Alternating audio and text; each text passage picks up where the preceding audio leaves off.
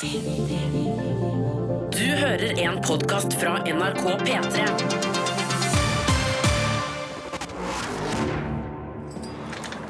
What's your name, Buster? Well, it certainly isn't Buster. It's Sigurd Vik. Filmpolitiet. God fredag og velkommen til Filmpolitiet. Vi har passert 17. mai, og det betyr at Cannes-festivalen, verdens viktigste filmfestival, den er i gang. Vår sjefsbetjent Birger Vestmo er på plass i Frankrike, og vi skal selvsagt få siste nytt om både filmen og det som kanskje er festivalens første skandale. På plakaten ellers så har vi anmeldelse av House of Cards sesong 5, og vi ser på den nye true crime-serien The Keepers, og kommer med noen gode true crime-tips til dere som ikke får nok av den sjangeren. Vi har også sjekka ut science fiction-spillet The Surge, og vi skal diskutere noen ganske kule nyheter fra spillenes verden. Ukas kinopremiere er Alien Covenant, som hadde førpremiere forrige uke. Den skal du selvsagt få anmeldelsen av, og så har vi jo møtt stjernene i London. Det blir intervju med både Catherine Waterson og Michael Fassbender om den nye sci-fi horrorfilmen. Filmpolitiet med Sigurd Vik. Her i Filmpolitiet skal vi til Cannes. Nærmere bestemt til den 70. utgaven av filmfestivalen i Cannes, som nå har begynt på den franske rivieraen. Og der er du, kollega Birger Vestmo. Hvordan har du det i Cannes? Ja, jeg kan jo ikke si annet enn at jeg har det veldig bra, for nå befinner jeg meg midt i smørøyet for de som er interessert i film. Eh, filmfestivalen er på dag tre, og vi har jo ikke sett så mange av eh, hovedkonkurransefilmene enda, Men eh, det har starta bra. Fra middels til svært bra. Så vi har nok store forhåpninger her om at vi skal få flere gode kinoopplevelser senere da i festivalen. Men eh, nå i dag morges så skjedde en aldri så liten eh, Cannes-skandale. Vil du høre om det, eller? Selvfølgelig. Ja, Nå vet ikke jeg om det her høres ut som en stor skandale for eh, alt som ikke er her, men for eh, pressefolka som er her i Cannes, så var det en eh, skandale da morgenvisninga av filmen 'Okja' måtte stoppes etter eh, ti minutter fordi den ble vist i feil format. Og eh, Sånt skal jo ikke skje på verdens eh, største og viktigste filmfestival. og Jeg kan ikke huske at eh, noe lignende har skjedd før her i Cannes. For dette skal jo være det ypperste av det ypperste innen kino, og ingenting er overlatt til tilfeldighetene. Men så ble altså da eh, vist i, i feil format.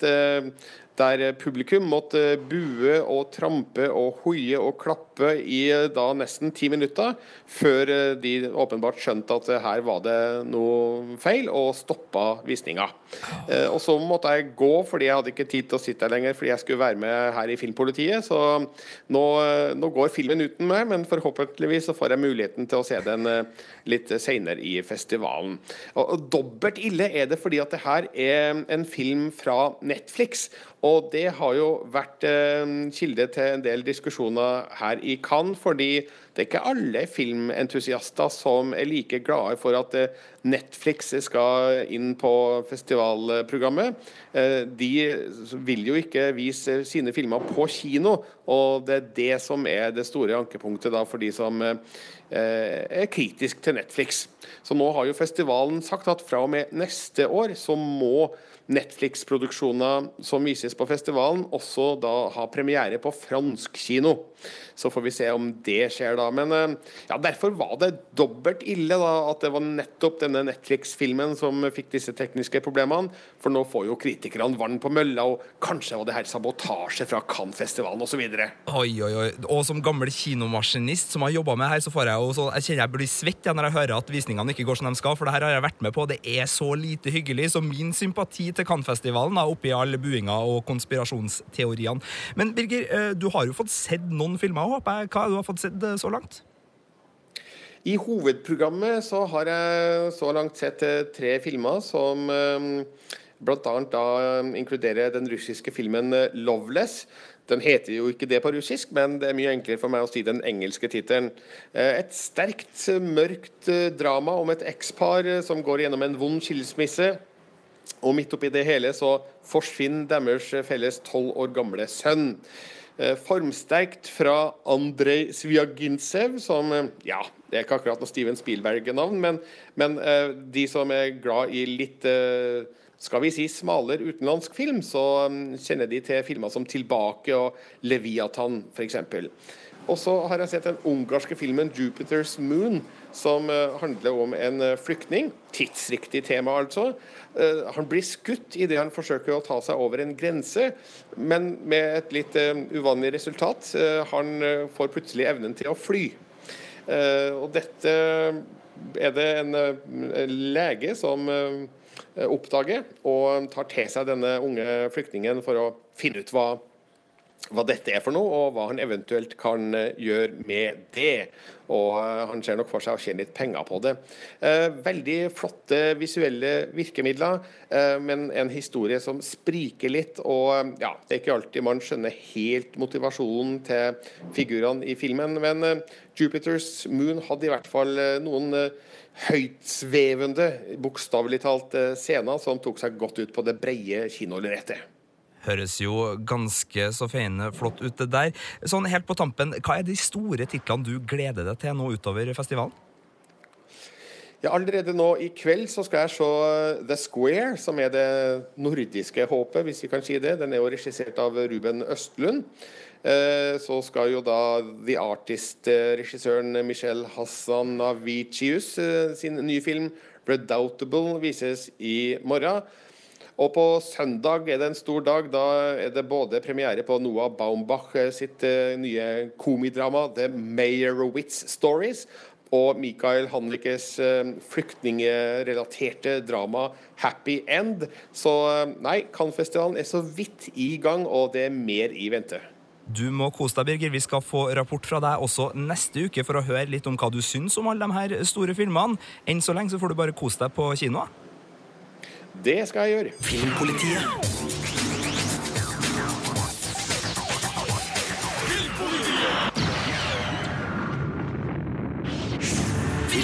Filmpolitiet anmelder film. You sure about this, Captain? How do you mean? We don't know what the fuck's out there. Alien Covenant bekrefter regissør Ridley Scotts ry som en virtuos verdensbygger. Kjennere av Alien vil bli henrykt over hvordan han har gått tilbake til sin originale film fra 1979 og henta frem elementer som effektivt trekker oss tilbake inn i det her universet, både med visuelle og soniske virkemidler som gir den rette atmosfæren av skrekk og mystikk. Det her er samtidig en av filmens svakheter. Den følger i all hovedsak den samme strukturen som Alien, og historien virker derfor i overkant kjent. Alien Covenant inneholder heldigvis en ganske radikal utvidelse av det kjente universet, som besvarer noen spørsmål som fansen har stilt seg i nesten 40 år. Det her er bokstavelig talt en fullblods alien-film, for det her er hard sci-fi-horror som yter sagaen rettferdighet. It's the first ever large scale colonization mission to go this far into our galaxy. Making history. Romskipet Covenant er på en årelang reise til den fjerne planeten Origay 6 med 2000 kolonister i hypersøvn. Mannskapet, som bl.a. består av Daniels, spilt av Catherine Waterston, Oram, spilt av Billy Crydup, Tennessee, spilt av Danny McBride, og androiden Walter, spilt av Michael Fassbender, vekkes av en nødsituasjon og lander på en ukjent planet for å sjekke et mystisk signal. Der oppdager de noe fryktelig som setter dem alle i stor fare.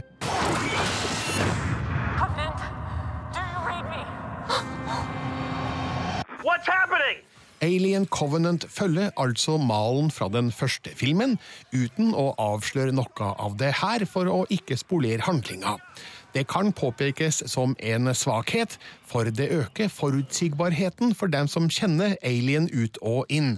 Men det er mulig at Ridley Scott så hvor godt det fungerte for kassasuksessen Star Wars The Force Awakens, som òg fulgte flere hovedpunkter fra den første Star Wars-filmen rimelig tett. Det fungerer òg godt for Alien Covenant, som samtidig bygger ut det her horroruniverset i en interessant retning, og avslutter på en måte som gir sagaen all muligheter til å fortsette. Denne filmen holder en høy nok kvalitet til at det absolutt er ønskelig.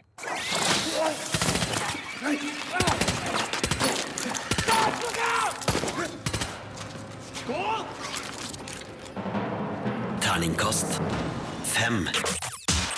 P3. Catherine Waterson ble kjent for noen etter roller i både Inherent Vice og filmen om Steve Jobs. Hun ble kjent for mange flere etter rollen som Tina i Fabeldyr og Hvor de er å finne, Harry Potter-spin-off-filmen der. Nå spiller Daniels i Alien Covenant et vanlig medlem av mannskapet om bord i et romskip som må bli eh, virkelig tøff når fryktelige monstre angriper. Birger Vestmo møtte Waterson og spurte hvilke kvaliteter Daniels måtte ha for å passe inn i det her myteomspunne alien-universet. I don't know if she needed these qualities to belong there, but the, the qualities I loved were her kind of scrappy can do attitude. She's not a warrior or a superhero. She's a regular, not that high up the ladder member of the crew, you know, um, but she's very dedicated to this mission and. Um, and obviously has devoted a great deal of her her life to it and obviously her future to it. I guess what was interesting to me was that you take this person who doesn't necessarily think that they're particularly special in any way, good at their job, bright, and put them in a circumstance where they find out what they are made of, you know? Um, it was so much fun to kind of let that thing, whatever was inside her that's very, very confident and strong, emerge throughout the film. And as I'm sure everybody's telling you, she reminds us of the original Alien hero, Ripley. Um, was she important for you when you were younger? Oh, totally. I mean, I think every young person responded to her very well, but certainly the young women that found that film, I think, kind of freaked out because it was just so exciting to see. Not just, it's not just the bits where she's kicking ass, but also just her kind of focus and confidence and, and the way that Ridley shot her and everything. Like, um, it was a given that she was strong, which I think is how women often feel. Like, why are we making a point of it? It's a given that we're strong, just like men. You know, we we all possess strength. Um, so I, I I think that that was what was so refreshing to me about it was that there was this kind of matter of fact attitude about about her gifts and talents and stuff in that film. Ripley var en annen type heltinne enn vi hadde sett før. Det var forfriskende at filmen hadde en pragmatisk holdning til hennes egenskaper, sier Catherine Waterston om Ripley fra den originale Alien, som Daniels i Alien Covenant har klare likhetstrekk med. Seal all inner doors.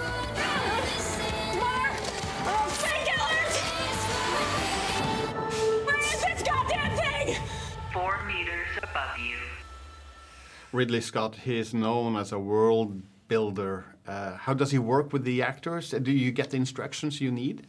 Yeah, I mean, you know, a lot actors do a lot of work before they get there, so they kind of have, you know, come in with lots of ideas of what what it should be, you know, and and and Ridley's the kind of director who says like go in your corner and figure out who your character is and come back and show us, you know, and so um, he doesn't give a lot of guidance in that sort of traditional sense, but you definitely feel protected by him, and of course, the visual and everything that he provides is so um, is so rich and complete, and it really, I think, all I can speak for all the actors when I say it really fed our performances, um, and that's all down to him and his amazing, expansive, creative mind, you know.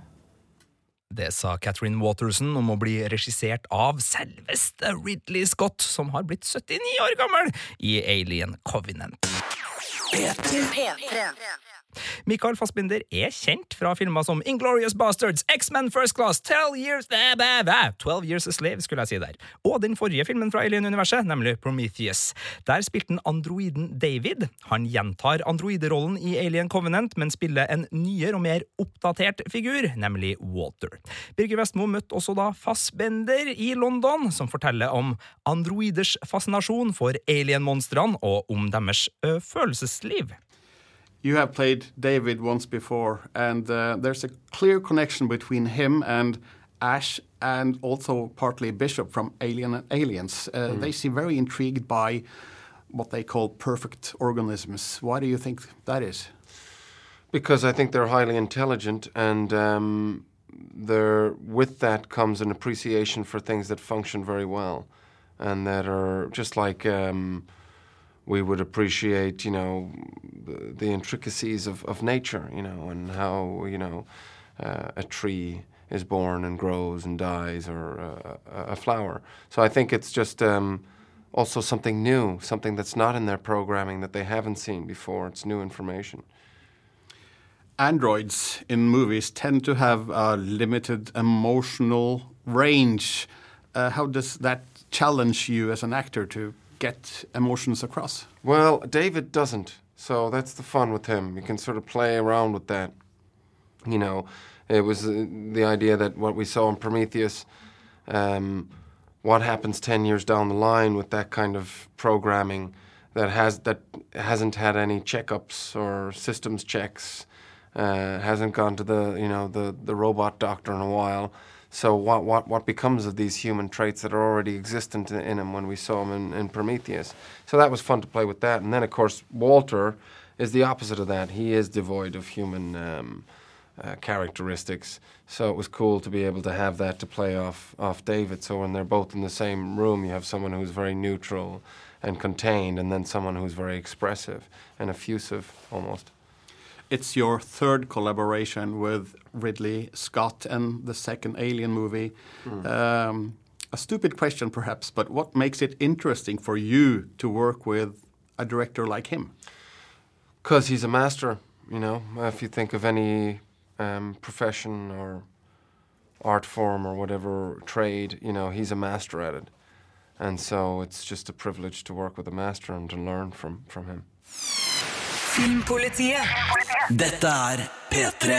Birger Vestmo møtte også skuespiller Billy Crudup, som spiller Oram i Alien Covenant.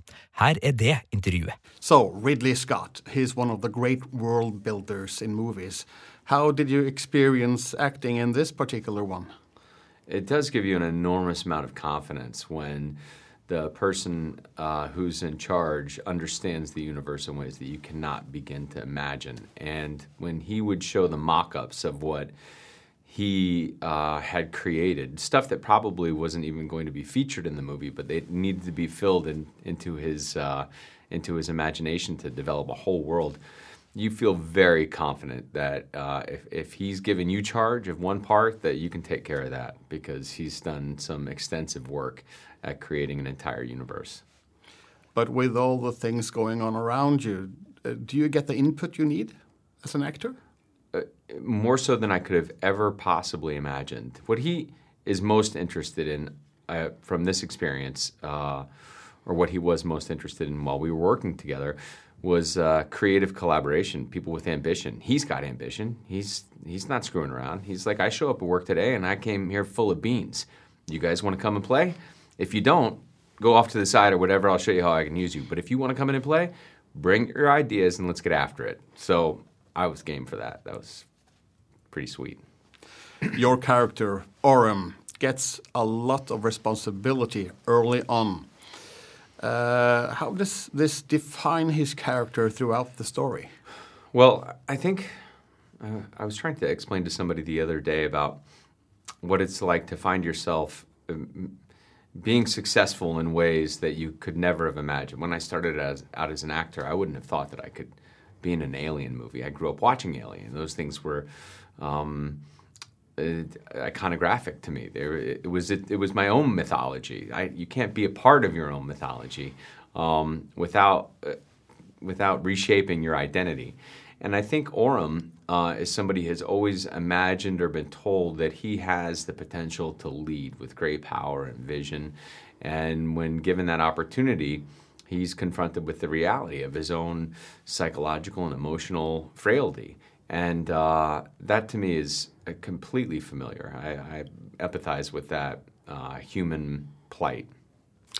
And he's also a man of faith. How does that uh, come to play in the story? It gives him enormous strength, I think, uh, to battle the interpersonal problems that he's having, not the sort of the internal problems, not the inter. Well, he does have in, interpersonal problems because of his internal problems, but he's got a lot of self doubt.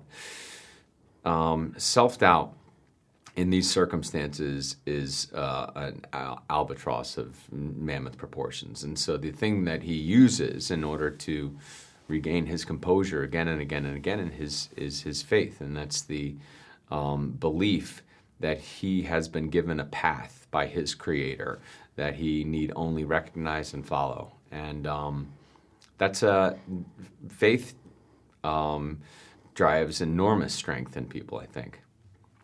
One of the ideas that are being discussed in this movie is that mankind is obsolete.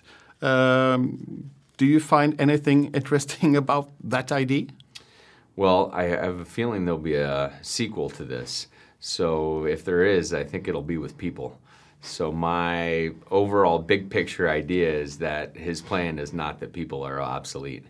Um, I think that uh, humanity has a pretty um, proven track record of persisting through some awful uh, conflicts and obstacles, like even life. Like it just the, the, a single person getting through life is a pretty good example of humanity's persistence against obstacles. So I think in the end, this will be a pretty uh, um, affirming story about uh, human perseverance. This is science fiction. I've got this thing behind me. Yes, you do. this is science fiction, of course, but at one point in time in the far future, colonization of other planets will be the only solution. Uh, what's your thoughts about that? I think you're exactly right. I don't think we have much alternative. We're not. I, I don't know of any ideas that uh, make um, uh, human existence a sustainable uh, endeavor on Earth. Um, that's not really the way that we're treating this place.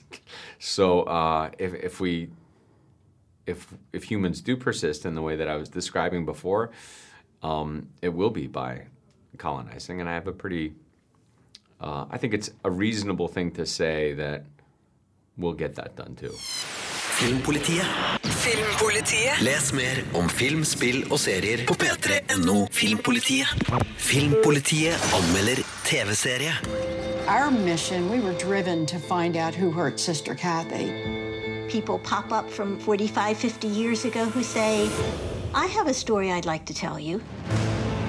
I believe Kathy Sesnick was killed because she was going to talk about what went on at Keo.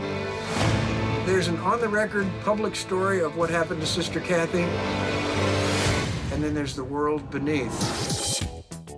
Det var lyd fra TV-serien The Keepers, som har premiere på Netflix i dag. En true crime-serie som legges ut der med sine sju episoder. Jeg og kollega Fredrik har sett de fire første, som vi fikk tilgang på litt sånn sneak preview.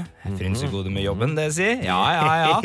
Eh, og vi er øh, ganske happy, men vi har en del innvendinger. Bare for å ta det veldig sånn først, Fredrik. Dette er da en serie som handler om et drap som skjedde i 1969 på en nonne på en katolsk skole i Baltimore, USA. Alt du sier er riktig.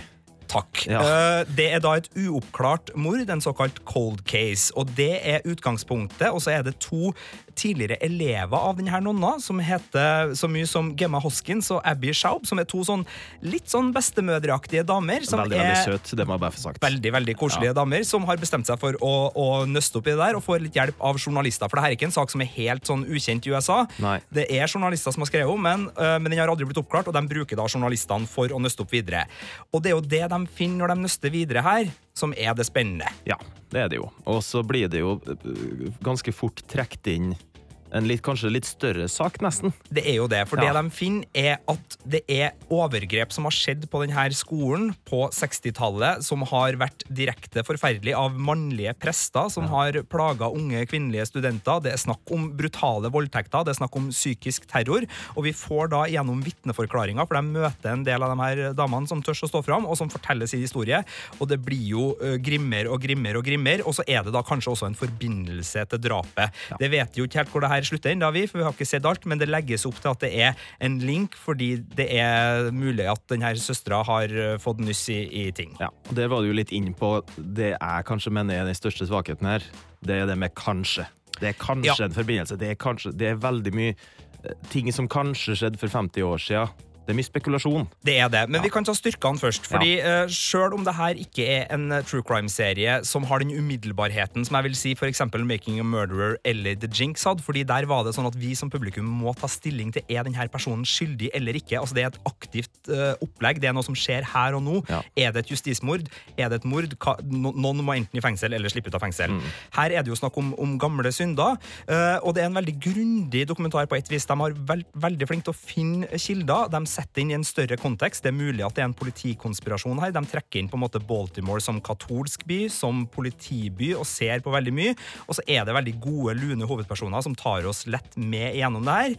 Det er det styrken. Så det er veldig artig, og veldig artig ikke, men det er veldig fengslende eh, i starten. Men du var inne på det, den har svakheter. Den har sine svakheter, det har den absolutt. Og det er jo det du sier, at den ikke er like uh, umiddelbar. Den vil nok ikke ha den samme liksom, kulturelle gjennomslagskrafta som f.eks. Making a Murderer, fordi den foregikk for, eh, saken foregikk for 50 år siden. Og, ja. Pluss at det er mye eh, Kanskje det er mye spekulasjoner, kanskje er politiet involvert, kanskje ditt, kanskje datt. Det er vanskelig å Selv om man, man tror jo Jeg tror i hvert fall på de damene som står frem. Det er veldig vanskelig å ikke tro på dem. Men det er alt rundt mordet som virker litt eh, spekulativt, kanskje. Ja, det jeg savner, da Jeg har ikke noe problem med å tro på dem, men jeg liker ikke at påstandene som kommer, ikke blir etterprøvd, sånn at jeg får være med på uh, resonnementene og være med på å liksom faktasjekke det. Det er en litt sånn der øh, Det sies ting, det antydes ting. Bildebruken er litt sånn der De snakker om politiet uten at det blir etterprøvd, og så ser du en politibil som kjører bort. De snakker om prester generelt, og så ser du ansiktet til én bestemt prest. Altså Det er en del sånn der litt sånn cheesy, litt sånn kleine virkemidler som vi egentlig har vokst fra, føler jeg. Og i likhet med Making a Murderer så er det mye som antydes mellom linjene uten at det på en måte egentlig sjekkes opp. Så det er den der Jeg vil være med, jeg vil vite på, på en måte om det er hold i det de sier, og der stenger de oss ute som tilskuere. Enn så lenge er det viktig å si. det Det er igjen tre episoder, vi har ikke sett de tre siste, så det er mulig at det her nøstes opp, men enn så lenge så har han litt sånn troverdighetsproblemer, mener jeg. Ja, jeg er helt enig, faktisk. ja. For Men- en gangs skyld så er jeg helt enig med deg. Du verden, det her var jo rare greier. uh, men det er en uh, serie som vi anbefaler folk å sjekke ut. Vi har skrevet en anmeldelse som ligger ute på p3.no filmpolitiet, som uh, både tar opp det her og, og litt mer, og, og har en del bilder og sånn. Så hvis du er nysgjerrig på det her, så er det absolutt en greie å sjekke ut. Og så inspirerte jo oss til å sjekke ut litt sånn flere true crime-greier og komme med litt tips, fordi det her er jo en sjanger som vi er veldig glad i, Fredrik. Ja, det er det. Og Ja, vi har jo sett veldig mye. Har, når man tenker seg om, så har man det, vet du. Og da er det jo greit å bare dele noen skikkelig skikkelig gode tips som er absolutt verdt å se. Så det skal vi gjøre ganske så snart her i Filmpolitiet. Dette er Filmpolitiet på P3. P3. Og vi snakker om sjangeren true crime. Fredrik Skage Øyen er med, og grunnen til at vi snakker om det, er fordi i dag er det premiere på Keepers. The Keepers. The Keepers, sorry. The Keepers. Nei, det var ikke noe irettesettelse. Herlighet, Fredrik, du må da gjerne forkorte for meg. Skjønner da så godt hva du mener. The Keepers, altså. The Keepers. Viktig å ha med. Eh, på Netflix. Uh, sju episoder. Alt ligger ute i dag. Hadde premiere i dag. Terningkast fire fra oss i Filmpolitiet. Anmeldelsen vår ligger ute. Men vi tenkte det er en god grunn til å snakke litt mer om true crime-sjangeren, som er en sjanger veldig mange setter stor pris på, og som har fått en oppsving, kan vi vel si, de siste årene. Fått sin renessanse, kan man si. ja, vi kan si det. Så kan akademikere si at vi tar feil, men vi De kan si at den har fått sin Akademikerne kan si de vil, Ja, det kompis. er sant. Ferdig med eksamen? Nei. Nei, ok. Da kan vi, eh, setter vi det eh, der, ja. Men uh, true crime-sjangeren, masse gode ting. Jeg vil komme med et tips på en uh, film, ikke en serie. En dokumentarfilm, for dem hører jo også med her, som heter The Thin Blue Line, og som var min første møte med true crime-sjangeren som virkelig slo meg i mellomgulvet, og som tok meg med. I likhet med Making a Murderer så er det her snakk om et mulig justismord. Vi skal til uh, Texas, uh, vi skal vel til Dallas uh, i, på slutten av 80-tallet, hvor det sitter en kar uh, fengsla for et drap på en politimann. Og så er det da dokumentarfilmskaper Errol Morris som har bestemt seg for å se litt på det her, for at det høres ut som han kanskje er et offer for justismord, og at det kanskje var en annen som har gjort ugjerninga, en en som satt på i bilen, og som ble vitne. En typisk greie, det her. Det som er så unikt med denne filmen, og som gjør den så utrolig bra, er A. Den har et score, altså et musikkscore, som er helt nydelig, av Roy Cooder. Det er bare ved siden av. Eh, Men den rekonstruerer, og den viser oss eh, fordelen og ulempen med rekonstruksjon. For det er et veldig farlig virkemiddel, rekonstruksjon. Når du rekonstruerer i en dokumentar, så legger du føringer for hvordan tilskueren og publikum oppfatter situasjonen, og du planter detaljer i dem som kanskje egentlig ikke var der, men som blir der fordi du rekonstruerer. Det Errol Morris gjør, som er så smart, er at han rekonstruerer jeg tror det er sju ganger. Han viser den samme hendelsen basert på de ulike vitneforklaringene i retten, og viser da hvordan de ikke går opp. Aha. Fiffig. Fiffig. Ja, og det er veldig stilisert. Det er en milkshake som detter ned der, er veldig amerikansk. Det er asfalt. Det er litt sånn, nesten sånn David Lynch-aktig estetikk rundt det her. Og så er det jo selvfølgelig en litt kynisk eh, filmskaper, det her òg, fordi han som vi skal tro har gjort det, han sitter i sånn oransje fangedress når han blir intervjua, mens han som vi tror skal være øh, uskyldig, han sitter i hvit skjorte, og, og, så, så Errol Morris ikke sånn Det er ikke sånn at han ikke bruker retorikk. Eh, men det er en veldig fascinerende historie, og den går rett inn i Making a Murderer-vibben. Så hvis du digger den serien, så kommer du nok til å sette veldig stor pris på The Thin Blue Line. Ja, den er fra 80-tallet, men fytti rakkeren, den er kjempebra. Jeg er fra 80-tallet, jeg òg, si. Det er du. Det er jeg, vet du. Eh, Jeg har lyst til å trekke frem en er serie, er det ikke? En dokumentarfilm, det òg. Som er lagd av E ESPN. En sportsdokumentar. De laga jo den fantastiske eh, dokumentaren om eh, OJ Simpson i fjor, som Det også fikk terningkast seks her i Filmpolitiet, som heter. Made in America. Så de fortsetter, de her tror jeg på. Ja, ja, ja. Eh, Det er en del av en eh, dokumentarfilmserie som heter 30 for 30. Som som regel eh, er veldig sånn svulstige sportsdokumentarer. Men det er en her jeg har lyst til å trekke frem, og den heter The Two Escobars. Ja! Ja, Har du sett den? Jeg har sett den. Ja. Eh, Og da er vi i Narcos-terreng og i VM 94-terreng. Er Altså vi. fotball og kokain. Ja, og det handler da om eh, to Escobarer, da, som ikke er i slekt, men som begge heter Escobar. Det er da Pablo, som vi mest sannsynlig kjenner her.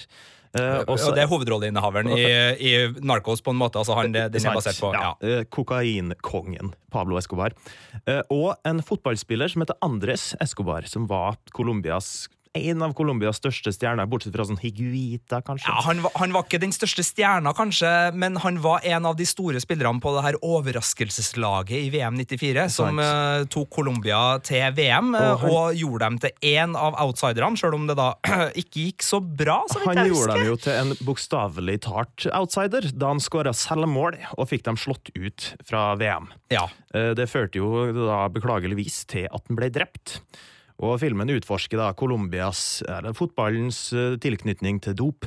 Og det er utrolig interessant eh, blikk på Colombia på 90-tallet. Jeg er helt enig med deg. Det der er en av de beste dokumentarene som eh, jeg har sett, fordi den klarer å kombinere idrettshistorie og øh, nasjonalhistorie og øh, narkotikahistorie og voldshistorie og krim. Altså, alt har sin naturlige tilhørighet der. Det er ikke noe, det er ikke noe sprang som gjøres, det er ikke noe, noe skiller som virker kunstig. Det er bare Colombia og de to Escobarene. Og det er jo så artig når man ser hvor tett knytta det her var. Altså, Vi skal ikke spoile, men la oss nå bare si at Pablo Escobar hadde mye med denne fotballgjengen var, å gjøre. da. han var glad i fotball, og han hadde masse, masse penger, glad i kokain sånn. og glad i fotball. Ja, ja, ja. Nei, det er et kjempetips. Eh, Altså 30 for 30 sin serie eh, med The, The Tale of the Two Escobars, er det?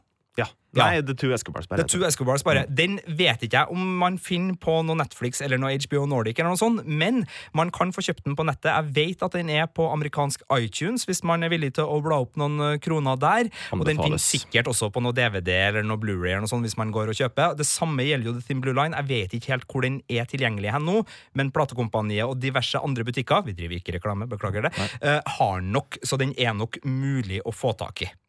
Så true crime-tips der, altså. Og den der eh, um, OJ Simpson Made in America, da, for Ja. all del. Og Den The var jo The Jinx, for eksempel. The Jinx, for eksempel. Making a Murderer, hvis du Ja. bare syns du har snakka om noe du ikke vet hva det er nå, sjekk det nå ut, da. Filmpolitiet.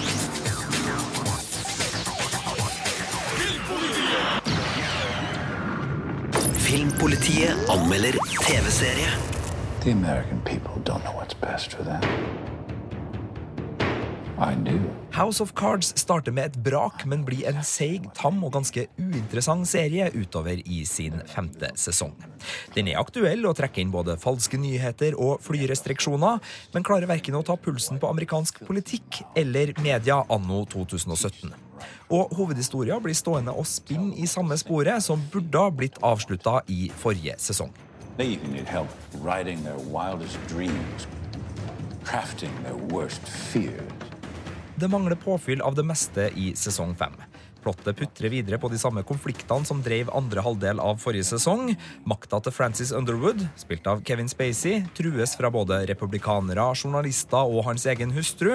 Men det blir aldri spennende. Vi møter for mange gamle fjes og for lite nye sider ved amerikansk politikk til at det blir fengende.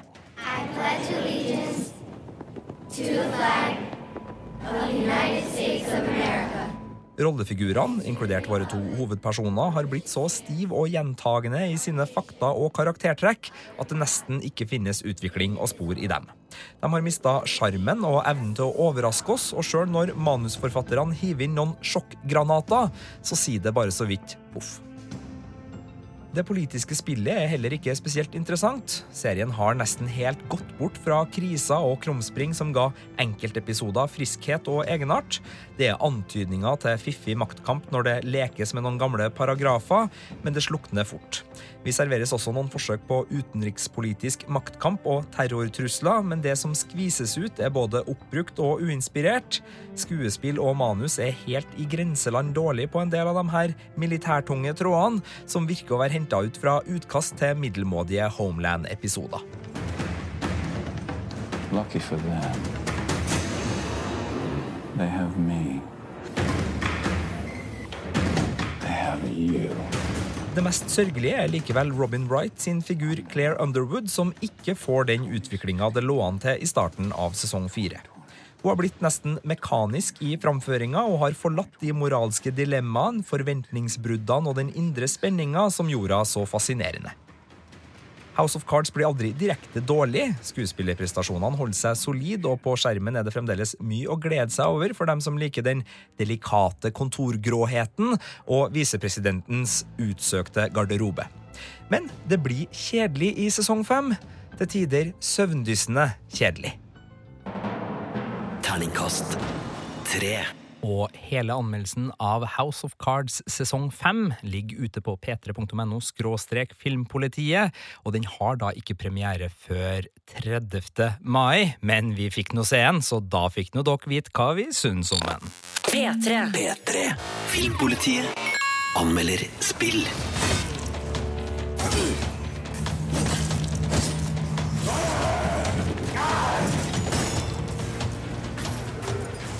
Fredrik Yes. Skage Øyen, spillanmelder. Hva i all verden er vi hører i bakgrunnen her? Vi hører lyden av The Surge. Det gjør vi. Et spill du har eh, omtalt til meg som gleden ved å kappe kroppsdeler av onde androider. Der, ja. Utdyp gjerne. Det var min 17. mai. Ja. Du spilte her 17., ja? Stemmer. Jeg. Ja, ja. Ja. Nei, eh, det er jo hovedsakelig det det går ut på. Jeg hører jo det. Ja. Det, det er kapping. De prøver seg jo på ei historie her òg, men den havner ganske fort i bakleksa. Eh, Det er eh, vold som er det, det artigste. Så da er alle de ikke-voldsglade ute der advart. Eh, Bare veldig kort, eh, det her er da et spill som man kan spille på f.eks. PlayStation. Hvor ellers? Eh, PlayStation, ja. Xbox One, PC. Alle plattformer der. Og det er Mhm. et science fiction-spill. Hva handler det om? Nei, det er et science fiction-rollespill litt i samme gata som eh, Dark Souls, eller Souls-spillene. Bare De er jo ikke science fiction, sånn sett, men eh, det her er da Dark Souls bare satt i fremtida, hvor man går rundt og dreper roboter. Hvorfor skal man drepe roboter i fremtida? Uh, litt uklart. Litt uklart. Det er noe som skjer tidlig i spillet, noe, noe vitenskapelig, uh, og så blir alle ond. Og så må du gå rundt i en, på et stort industriområde og drepe roboter. Ja. Så historia her er ikke det beste med spillet? Nei, det kommer seg litt utover i, eh, i spillet. Det gjør det. Det er litt mer tydelig, men, men i de første ti timene i hvert fall, så er det mest Det hintes til en viss historie, men det er liksom eh, gameplayet som er i fokus. Da vet jeg akkurat hva jeg er nysgjerrig på videre. For er det da, spiller du da en kul figur som det er artig å slåss med? Ja, det har du helt rett i. Det gjør man. Man en uh, Man er en rullestolbruker som får skrudd på seg et slags sånn robotskjelett. Uh, på groteskt vis, kan jeg legge til. Og så uh, finner han ut at han, jo, han er actionhelt. Og så går man rundt og, og dreper ting. Ja. Og det her robotskjelettet man har på seg, exoskjelettet, eller hva man skal kalle det, det er da oppgraderbart. Så man kan kappe av deler av rustninga til fiendene sine, og så ha dem på seg. og sånt. Så man kan mekke sin egen uh, figur utover i spillet etter hvert som man eh, rapper deler fra disse onde androidene. Det er riktig. Kult. Du, uh, hvordan er det i forhold til sånn vanskegrad, frustrasjon, sånn Altså, og, mm, I forhold til mm, æ, mm, så er det helt i toppsjiktet, vil Det jeg påstå. det, ja, det er, men det kan jo ha litt med meg å gjøre. Uh, at jeg syns det var vanskelig, men, det, men ja. Uh, jeg sleit, og jeg bantes, og jeg, og jeg ropte til TV-skjermen min. Ja, Så ikke så frustrerende enkelt som en del hevder at f.eks. Uncharted kan være hvis man ikke liker den mer sånn filmatiske gjennomgangen av et spill. Nei, det går det ikke an å si. Nei. På noe som helst nivå. Men uh, hva er drawbacksa her? Hva er det som ikke funker? Eh, For det første Om så noe. Ja, altså Mangelen på historie overser jeg litt i starten, men gameplayet blir litt repetitivt etter hvert, og da merker man det bedre at det skulle vært litt mer historie, litt mer tyngde i det, på en måte. Ja, For det er et ganske langt spill, det. Ja, det, det tar vel en 30-40 timer ish å spille gjennom, og, og det er jo det samme man gjør hele veien. Man, eh, man slåss, og man oppgraderer rustninga si, og til slutt så blir det litt, litt repetitivt. Vi har jo en full anmeldelse av det her selvfølgelig på p3.no filmpolitiet, men eh, for dem som bare har lyst til å få terningen, hva gir du? Det blir en fire. Det blir en fire. Solid er- spill, men mangler litt for å nå helt opp. Det høres jo ut som ei grei helg hvis du Altså, digger å spille eh, sci-fi-spill. Det må jeg legge til. Jeg kosa meg jo stort. Det gjorde jeg. Filmpolitiet.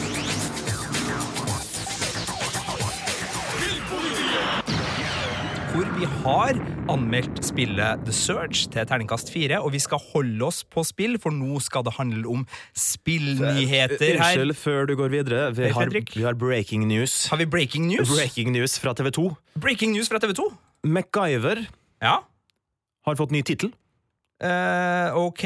MacGyver Klassikeren vil den nå hete. Den er fra 1985, altså. Ah, fordi uh, MacGyver har jo blitt uh, laga på nytt, eh, og det kom jo en ny MacGyver-serie med en helt ny MacGyver som ikke spilles av Richard Dean Anderson, Ja. som uh, nå kom i vinter, og som jeg ga terningkast to, så vidt jeg husker. Den var Mhm. helt forferdelig. Den går jo da på TV2, da, sikkert. Ja, og for å ikke få forvirring, så har de valgt Så har de valgt å kalle den nye bare for MacGyver, da, tydeligvis, og Ja. den gamle for MacGyver Klassikeren. MacGyver-klassikeren. Mm. Det er litt greit for meg å vite, for jeg vil jo ikke se så veldig mye mer av den nye, så da vil jeg da nå se MacGyver-klassikeren. Hvis jeg skal sette meg ned. Jeg skal jo ikke sette meg ned og se noe MacGyver, men for dem som er interessert, ja. Takk, Fredrik. Kjempebra. Men vi har flere nyheter, og nå skal vi til spillnyheter. Det skal vi. Ja. Hva har vi der? Vi har altså først en kort liten nyhet om at eh, Far Cry 5 nå er bekrefta. Ja! Det er et spill jeg har gledet meg til. Det er jo en stor serie, men uh, kom ikke Far Cry 5 uh, her forleden? Eh, Du sikter til Far Cry Primal, Ja. som jo er nummer fem i rekka. Ja, kom i fjor. Eh, Det er da betegna som en spin-off, og ikke en Det var en spin-off, ja. Ja. Ok, Så det her er da oppfølgeren til Himalaya-eventyret, som Det var stemmer. Far Cry 4? Den utmerkede Far Cry 4 får Ja. en oppfølger, og jeg vet ikke stort mer enn det. Jeg vet ikke hvor det utspiller seg, når det utspiller seg. Jeg vet ikke noe av plottet, vet ingenting, egentlig. Nei, Men Far Cry 5 er bekrefta og kommer eh, sånn om ikke så lenge? Eh, I 2018. Ja. Jo, men det er ikke så lenge til. Neida. Men jeg vet at du har eh, større spillnyheter, i hvert fall for min del, enn det her. Uh, du sikter til South Park-spillet. The Fractured Butthole. Jeg gjør det, Ja. for det her er et spill som jeg har gleda meg til. Og det, men, det, ja, men, Og det har du også. Det har jeg virkelig, men før vi blir glad her, Sigurd, så må vi bare ta klypa salt med en gang. Ja, vi, vi, vi må ha klippesalt der. Men grunnen til det er for at det skulle egentlig komme i fjor Ja, høst. fjor høst. Og jeg gleder meg. Det skulle komme sånn august, skulle ikke? Jo, hva tror du det? South Park-spill. Nytt South Park-spill, The Fractured Butthole. Mm. Og så januar 2017 kom. Og, Nei, det kommer ikke i høst! Det kommer ikke i høst! Hva i all verden er det Matt Stone og Trey Parker holder på med? Mm.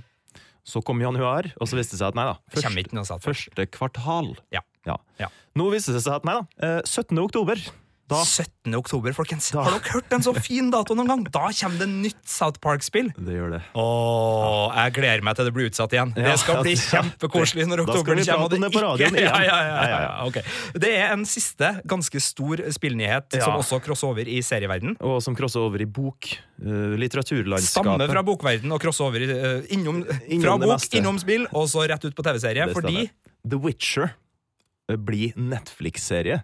Veldig kult polsk-basert eh, rollespill det her også, som har generert veldig mye glede, og også masse kule cosplay. Jeg anbefaler folk å sjekke ut uh, The Witcher-cosplay rundt omkring. Mm. Det er også norske folk som gjør veldig kule ting.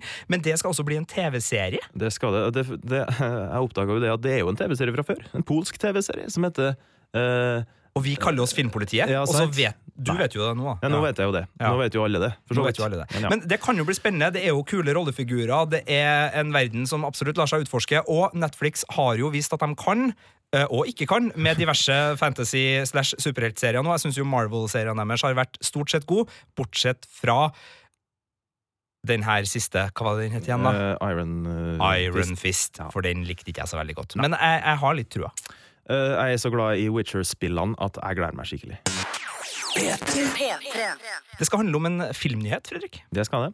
Eh, nå har jo jeg mistenkt det her lenge, men nå er jo liksom tyngden tatt ut av det, på en måte. For nå kom nyheten om at Moland og French og dramaet rundt dem blir film.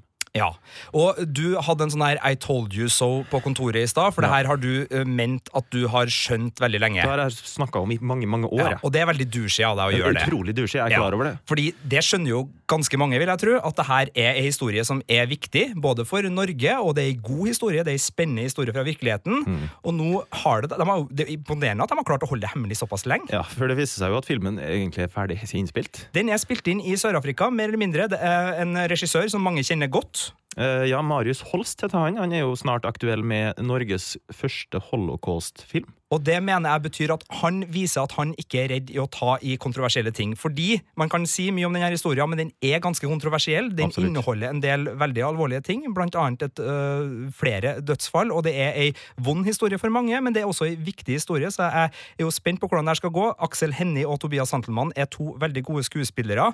Marius Holst er en dyktig regissør. Jeg syns det her virker som det er i trygge hender.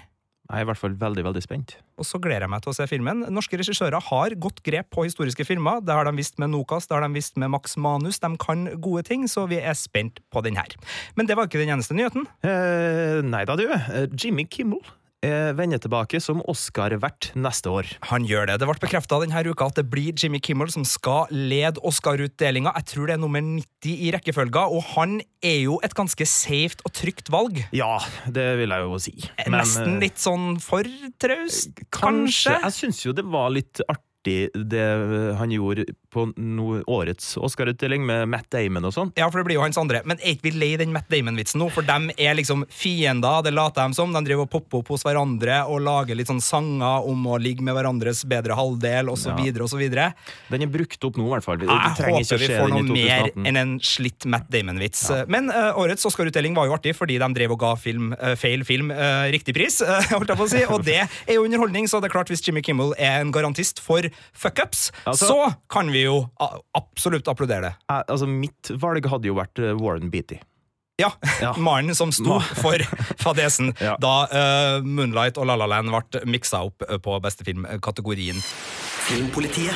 Filmpolitiet. Les mer om film, spill og serier på p3.no Filmpolitiet.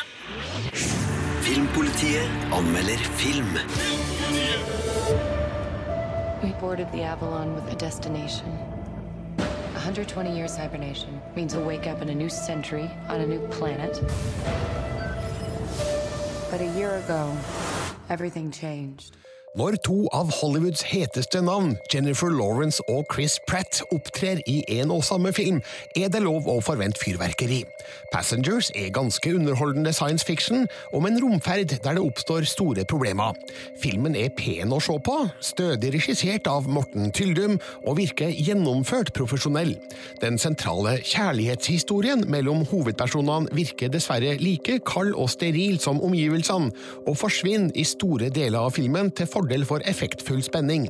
Det er synd at skuespillernes stjernestatus ikke lar seg omsette i gnistrende kjemi, men som ren spenningsfilm er Passengers brukbar. We're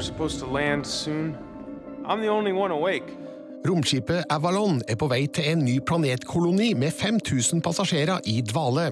En teknisk feil gjør at Jim, spilt av Chris Pratt, våkner opp 90 år for tidlig, uten muligheter til å gå tilbake i dvale. Hans eneste samtalepartner er robotbartender Arthur, spilt av Michael Sheen. Jim bestemmer seg for å vekke Aurora, spilt av Jennifer Lawrence, men et gryende forhold møter veggen når omstendighetene rundt vekkinga blir kjent, samtidig som det blir klart at romskipet er i alvorlig trøbbel. Come on. The whole section's closed off. Something's wrong. We're looking for Ron. Try to open it. Passengers handlet om Jims moralske valg og hvilke konsekvenser det får for Auroras liv. Så går handlinga vekk fra denne problemstillinga og introduserer en ny utfordring av en mer teknisk art. Det koker ned til noe så enkelt og banalt som at det må skrus på noen brytere. Hvor er are we? Are in transit from Earth to Homestead 2. We will arrive at approximately 90 years.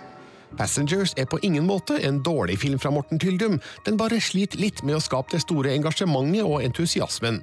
Det er lett å føle at man burde føle mer for det som skjer. Det måtte ha oppstått noe mer nært og inderlig mellom Jim og Aurora for at historien skulle grepe sterkere. Kjærlighetshistorien utvannes av science fiction-ideene og vice versa. Passengers kommer derfor trolig ikke til å bli den kassasuksessen som man skulle tro med to av tidas største filmstjerner i hovedrollene. Det burde kun forventes noe stort når Jennifer Lawrence og Chris Pratt braker sammen, men det sier bare poff. Took you long enough to ask. I was giving you space. Oh, space. The one thing I do not need more of. Terningkast fire. Og Passengers har premiere på video denne uka, er å finne i butikkhyllene og også på din foretrukne strømmetjeneste som selger film. Du finner flere podkaster på p3.no podkast.